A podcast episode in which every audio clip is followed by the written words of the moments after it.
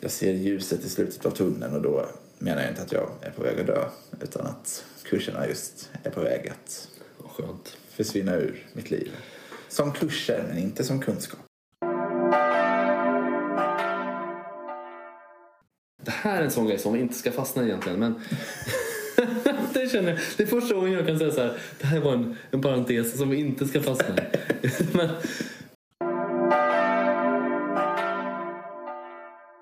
Tänk ut någon person du har runt omkring dig som du verkligen ogillar och stör dig på. Och det finns alltid någon, det tror jag. Du tittar på mig. Nej, jag gör ju inte det. nej,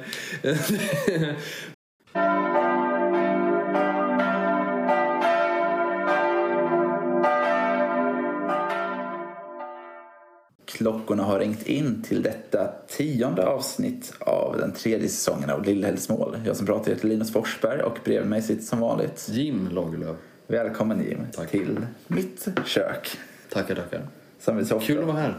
Ja men det, det är kul att ha dig här. Vi sitter och har en Maria-ikon som tittar ner på oss. Den som är riktigt noggrann med ikoner. Skulle jag inte kalla det här för ikon. Just för att den inte är målad direkt Nej, på. precis, det stämmer. Utan det är en, Det är en ikonisk bild. Den Jo, precis. påminner om en ikon. precis. Samma stil. Ja, köpt på katolska bokhandeln i Stockholm. Man tackar. Så att eh, därav godkänner jag den ändå. Pengarna som betalar min lön. Nej, det är inte riktigt faktiskt. Det, det, det. Ja, men det, det är bra. Så här, för folk som är i Stockholm så kan jag tipsa om katolska bokhandeln. Den, Ja, lite Kungsträdgården. Mm, precis. Hur är det annars i livet? Jo, det är rätt så bra. Det är det väl nästan alltid tycker jag. Jag tycker att man... Du vet, man ska säga, vad behöver man be om hjälp med? Tänker jag ibland på. Och så, så, för jag märker att jag liksom inte alltid bjuder in Gud i det som stör mig. Eh, Utan jag tänker, jag, problemet för mig är jag tänker så det där löser jag själv. Det är ett problem jag har.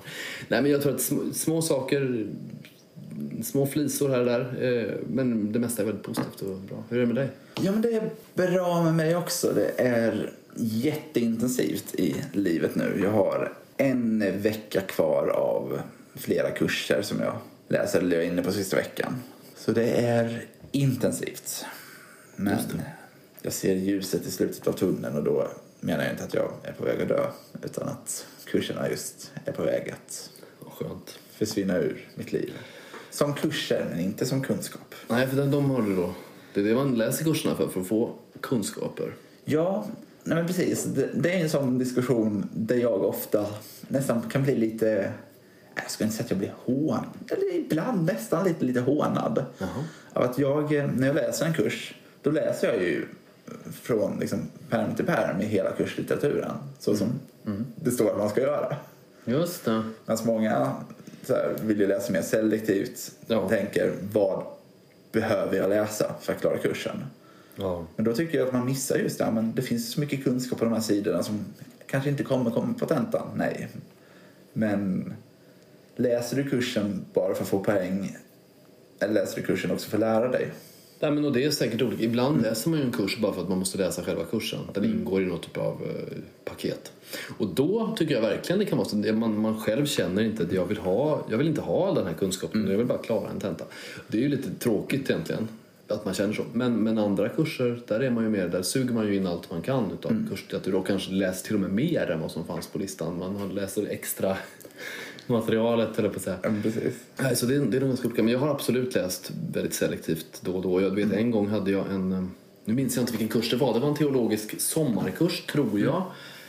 Och jag tänkte, jag åker hem och tar hemtentan hemifrån. Så jag åker från Uppsala. Jag tror jag har de här böckerna. Jag kommer hem, får hemtentan. Nej, det var fel bok jag hade hemma. Nej. Aj, aj, aj. Ja, okej, men den boken har jag inte heller läst. Nej. Och då var en fråga.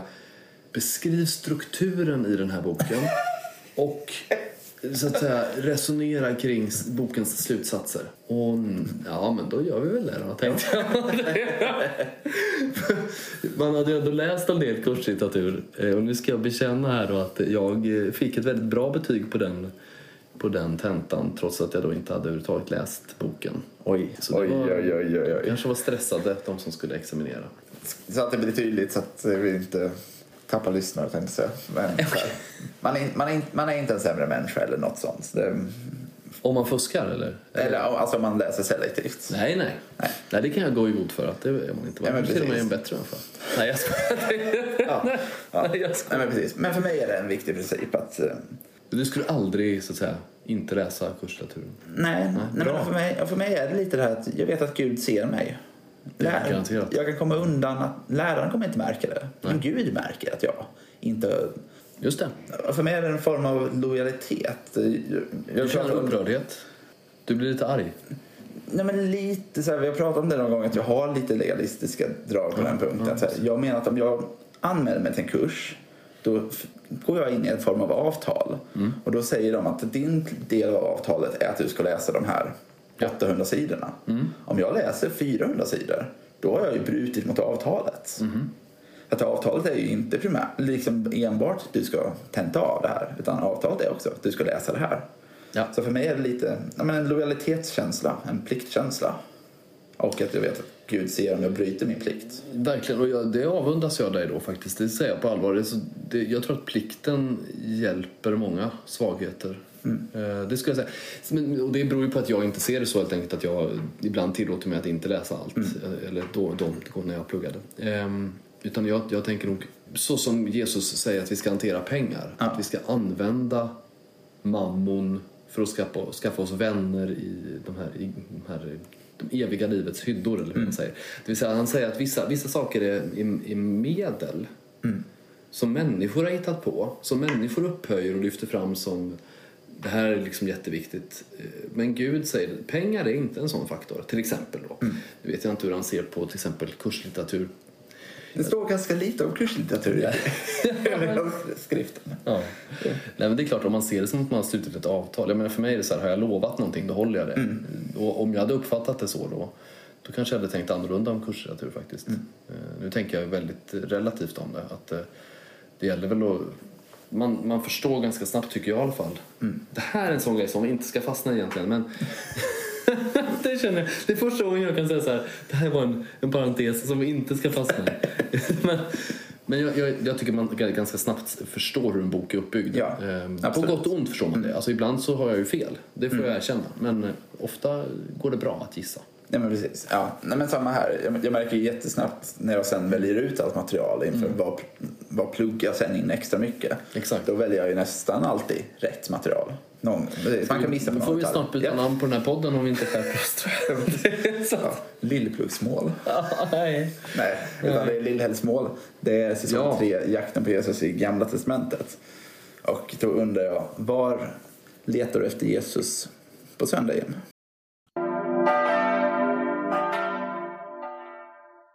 I Vishetens bok kapitel 11 från vers 22 tror jag det var, så ska vi läsa. Och där stod det, den här meningen som jag fastnade för, det stod Gud är barmhärtig mot alla. Eh, och då tänker jag så här att många människor, och det är, lätt att hitta Jesus, för Jesus är liksom Guds barmhärtiga ansikte. Eh, Jag tror att många människor kan acceptera Gud, att Gud är rättvis. Vi pratade om rättvisa förra gången. Ja, rättvisa är ett sånt där begrepp som, som man ändå har en, alla människor har en relation till det. Mm. Barmhärtighet har inte alla människor en relation till. På gott och ont. Egentligen så är barmhärtighet en, ett mycket viktigare så att säga, kristet begrepp. Mm. Gud är rättvis, han är också barmhärtig. Och det går ju inte ihop Nej utifrån människors perspektiv. Mm. Tänk dig till exempel där du inte kunde läsa all den här kurslitteraturen som du ville läsa. Du, du har brutit avtalet så att säga. Mm. Hur förhåller sig Gud till det? Han som då har sett det. Hur förhåller han sig? Mm, jag tänker... Ja, ja, du Ja, vet ju inte nej, det. Säg vad ja, du tänker. Ja, precis, ja. Jag tänker att det finns en förståelse, och det är här barmhärtigheten tänker komma in, Mm. kring vad som har varit premisserna. Mm. Att, eh, som i mitt fall, så här, som vi var inne på, nu upphöjer jag mig väldigt mycket, det är verkligen inte min mening. Jag, kom, jag får trycka ner mig i nästa avsnitt. Eller, nu, ja. Nej, men om jag inte har hunnit det här för att jag blev jättesjuk. Nej, men den här gången blev du inte jättesjuk. Du valde att gå på en fest istället. Oj. vilket, vilket Hur ser Gud på det? Om du känner dig främmande för det här så får du tänka att det är en annan Jo, person. precis. ja, nej. Det skulle aldrig hända. Nej. Det kändes jätte, jättefränt. Ja, jag såg det på dig. Ja. Kan vi någonsin ha varit så långt mellan tanke och verklighet i den här podden? det, det finns ju ett P3-program som heter Vardagsfilosofiska rummet. Och där ställer de också ibland sån här, men det här det passar verkligen inte in på den här... du- Så här de sätter, ger ett dilemma då. Ja. Som personen ska förhålla sig till och svara. Vad hade du gjort i det här läget? Och ofta är det ju, men jag hade aldrig hamnat i den här stationen. Som, jag, som jag känner att de borde svara. Men och det, så var det de Ja, men- men, ja, men låt okej, säga ja. nu då. För, Om det händer. Tankeexperimentets skull. Mm. Ja. ja, men eh, då vet jag ju någonstans att Gud skulle ändå möta mig med nåd. Gud skulle... Det är inte det här som skickar mig till helvetet. Varför? För att Gud eh, verkligen är barmhärtighet. Jag tänker det finns en, en av mina favoritsalmer, en av många, så det är inte min absoluta. Psalm 217 i Svenska psalmboken. Också med, med Den har du väl pratat om förut? Om- kan jag ha gjort så här. eh, Gud för dig är allting klart. Just det. Den slutar med just så här. Vad du vill är helighet, men du är barmhärtighet. Mm. En Och det, och det tänker jag ringar in det här. Mm. Gud vill att vi ska vara heliga. Du nämnde det förra veckan. Kyrkan, målet är att bli helgon. Ja. Men Gud är barmhärtighet mot att när vi inte når dit. Men vi ska ha kompassen åt det hållet. Hamnar vi fel, misslyckas, kommer till korta. Men vi ska ha kompassen vänd mot heligheten. Mm. Att vara helig. Och det är ett väldigt bra sätt att uttrycka det på. Alltså, man, man, kan undra varför Gud är barmhärtig. För att allting i kristendomen handlar om det. Människorna vände sig bort från Gud och Gud söker människan för att vinna henne åter.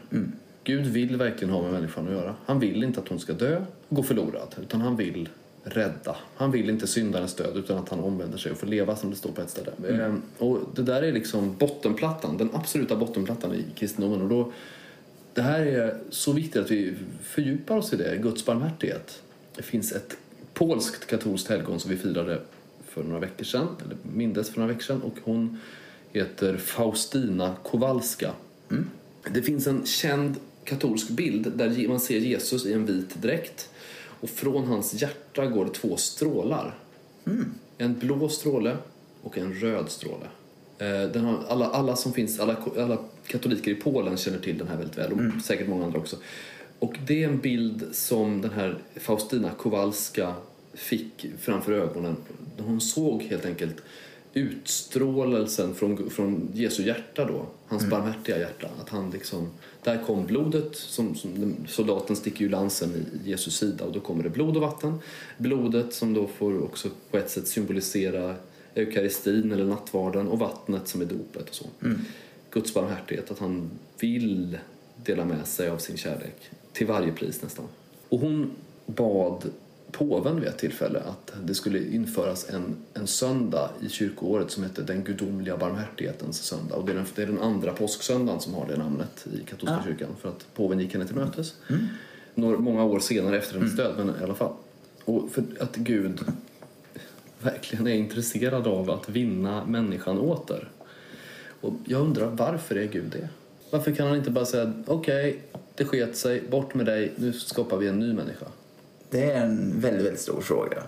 Ja, Tänker, om vi kollar i Gamla Testamentet, får vi veta, får vi höra hur Gud väldigt aktivt skapar människan separat. Så här. Det, mycket på jorden skapas kollektivt, många djur skapas kollektivt. Men sen så, människan blir så att säga lite mer av ett eget projekt. Och vi skapas till att vara lika Gud. I det byggs in, tänker jag att där byggs det in en särskild relation. Som Gud, Gud har en relation till all, till sin skapelse. Men det har byggts in något särskilt i relationen mellan människa och Gud. Som sen också skadas i syndafallet. Och som eh, ja, men Gud verkligen vill upprätta. han vill det av någon anledning. Han tycker människan är viktig. Det är väl också att han har lagt ner någonting av sig själv i människan, den här gudslikheten. Det där brukar man ju prata om ibland, huruvida människan vid syndafallet blir förstörd eller bara, bara skadad. Och, ehm, och det beror på vilken, vilken vikt man vill, lägga vid det. Men, men om människan innerst inne så behåller människan sin gudslikhet. alltså vår unika gudslikhet också. Vi som personer, var och en, avbildar Gud. Det är inte bara på ett generellt plan, utan var och en avbildar Gud på sitt speciella, unika sätt. Och det vill Gud rädda. Gud ser potentialen i människan och vill liksom förverkliga den. Eh, och du uttryckte det så klokt. Jag, vi, vi, jag gjorde, mejlade dig nämligen angående mm. det här eh, till exempel hur man ska försvara människovärdet som, som lutheran och som, eller som katolik. Då, att de, varför, varför har alla människor ett, en mänsklig värdighet trots syndafallet? Alltså man skulle, någon skulle kunna säga nej, bara döpta har det. Det har ju kyrkan ibland varit lite inne på tyvärr. Att genom historien att sagt bara döpta har det här människovärdet. De andra, de är det okej okay att döda. Tyvärr har det varit så i vissa perioder i kyrkans eh, historia. Men så tänker vi inte ju numera. Utan vi ser att den här gudslikheten innerst inne i alla människor, den, den, ehm, den finns där. Och du, du sa så här, det finns liksom en, en psykolog, man kan dela upp människan i olika nivåer. Alltså, I verkligheten förlorar inte människan sin gudslikhet. Men liksom psykologiskt på något plan jag kommer inte ihåg hur du uttryckte det, men det jag tyckte var väldigt klokt. Ja, men precis så. Vår förmåga att uppfatta alla människors mm. lika värde, den Förstår, skadades ja, exakt. i syndafallet. Jag tyckte det var väldigt klokt, för jag, jag tänker väldigt mycket så om syndafallet, att det som händer är inte att hela världen går sönder och blir trasig, utan det är människans attityd mm. och inställning i väldigt hög grad som förändras. Människans möjlighet då att vara den skapelsens präst som Gud ger oss i uppdrag att vara. Mm. Den som ska förvalta skapelsen, ta hand om den och viga den helt åt honom. Det går förlorat om vi börjar tänka på ett annat sätt. Om vi börjar... Eh, för, för ja, Jesus pratar ju också om det. Han säger gör, eller när han säger på svenska omvänd er. På mm. grekiska heter det ju gör en sinnesförändring. Ändra mm. ert sätt att tänka. Paulus återkommer till det här. Han säger också låt, oss be att få samma sinnelag som Jesus hade. Just det. Så det där var väldigt klokt tyckte jag. Och jag, jag tror att för att vi ska kunna förstå Guds barmhärtighet så måste det ligga självklart för oss så att varje människa är värd att slåss för. Mm. Inte för vad han eller hon har gjort, för vi gör så mycket skit hela tiden, utan för vilka vi är. Mm. Men det ligger väldigt mycket i det. Och att just att vi har den förmågan, att vi har det sinnelaget inom oss. Mm. Men vi har tappat kontakten med det. Och att det någonstans handlar om att vi ska så att säga hitta tillbaka till det. Mm. Det är liksom ingenting som behöver skapas utan det finns där. Men vi behöver hitta det. Verkligen.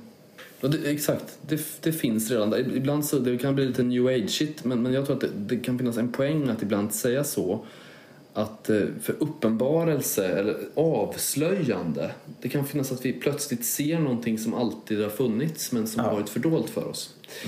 Och så kan det vara med människor också. Man kan se någonting hos en människa som man ogillar, som man inte har sett där förut. Mm. Och därför skulle jag säga att dagens, eller veckans tips från mig, det skulle vara Tänk ut någon person du har runt omkring dig som du verkligen ogillar och stör dig på. Och det finns alltid någon, det tror jag. Du tittar på mig. Nej, jag gör ju inte det. Nej. Men och då tänk ut den personen och så gör vi det som eh, Faustina Kowalska säger att man kan göra. Först, kolla om du kan göra någonting för den här personen i barmhärtighet. Finns det någon barmhärtighetsgärning du kan göra? Finns det det? Eller finns det något barmhärtigt ord Mm. Någonting gott du kan säga. Och till sist då, om du känner att nej jag orkar inte, jag klarar inte detta. Då ber du för den. Mm. Om ord och gärningar inte finns eller har möjlighet att nå fram just nu då är det att be om Guds barmhärtighet för den här personen. Och kanske också då om din barmhärtighet i förlängningen. För att ju mer vi ber om Guds barmhärtighet, ju barmhärtigare blir vi, tror jag faktiskt. Och med dem rör vi oss vidare till texten vi ska läsa i Svenska kyrkan på söndag. Då är det tjugonde söndagen efter trefaldighet. Underrubriken är Att leva tillsammans. Det blir en riktig klassiker. Mm. Sådan som klassiker i bemärkelsen att även personer som inte går i kyrkan särskilt ofta kan det här, har hört den. Inte hela delen, men vissa citat. Vad kan det vara? Vi kommer att läsa från Rut 1, verserna 6 till 19. Mm -hmm. Mm -hmm. Och de gissar att du är väldigt bekanta med. Ja, inte väldigt. Jag har väl läst om henne två, eller tre, eller fyra eller fem gånger. Men...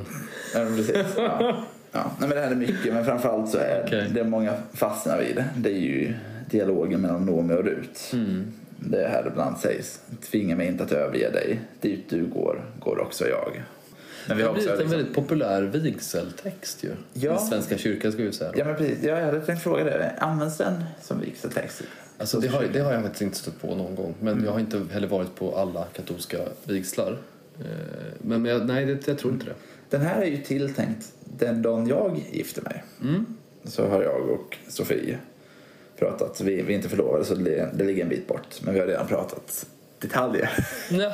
kring bröllopet. Vad roligt. Ja. Och då är det här en sån text som vi har sagt att men den här oberoende av varandra så hade båda tänkt att hoppas den andra går med på det här. Okej, så ni båda hade...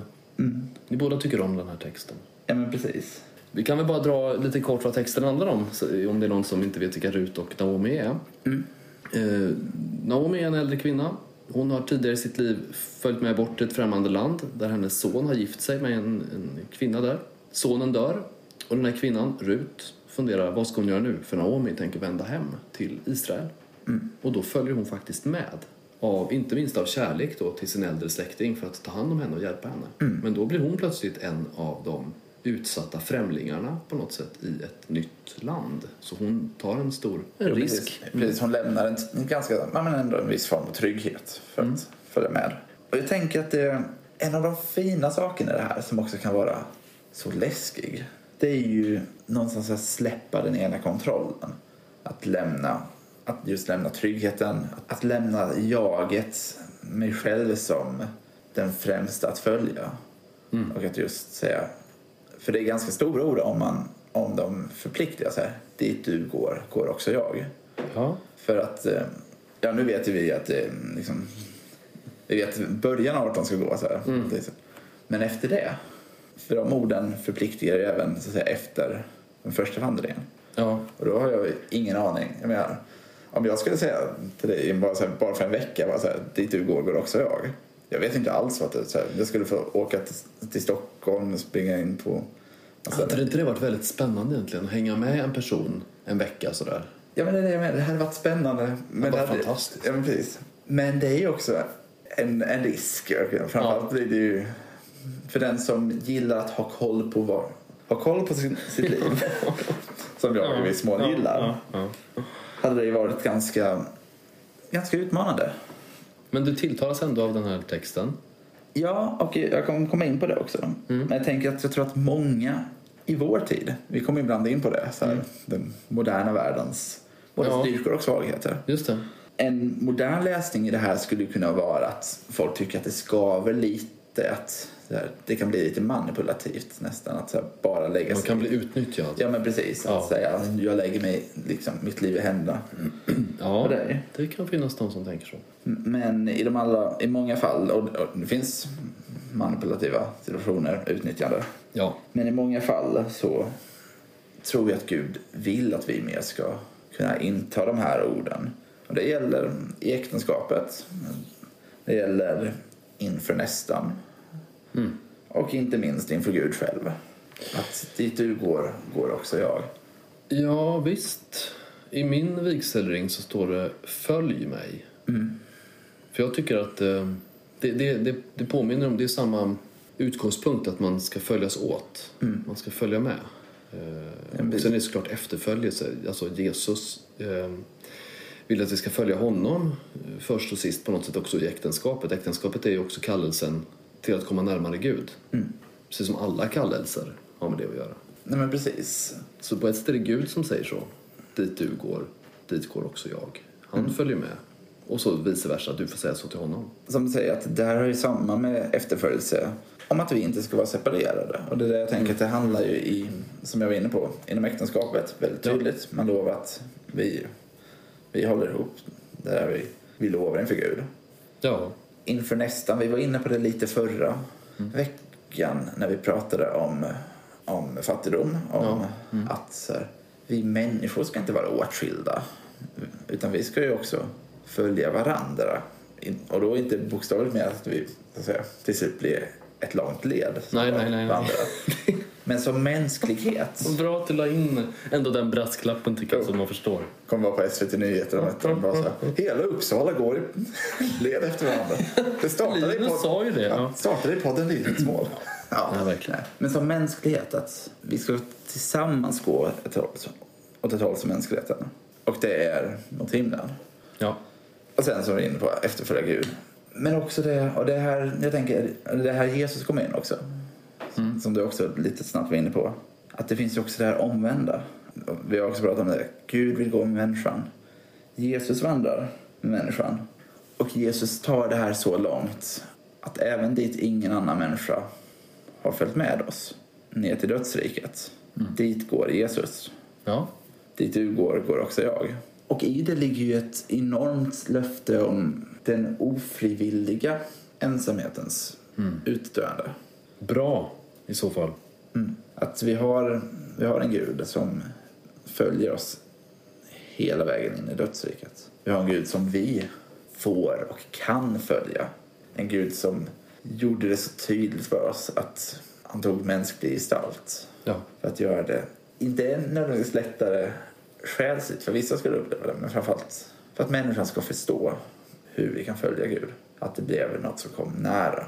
Jo, han kommer nära oss. Närmare än vårt eget hjärta och sen så drar han med oss då till sig. Om han blir inbjuden allra längst in. Ja, precis. Hur ska man leva det här då, tänker du? I en av kurserna jag läst nu har jag bland annat fått läsa en bok som heter Introduktion till kristendomen som är skriven av eh, han hette först Josef Ratzinger, blev sen påve.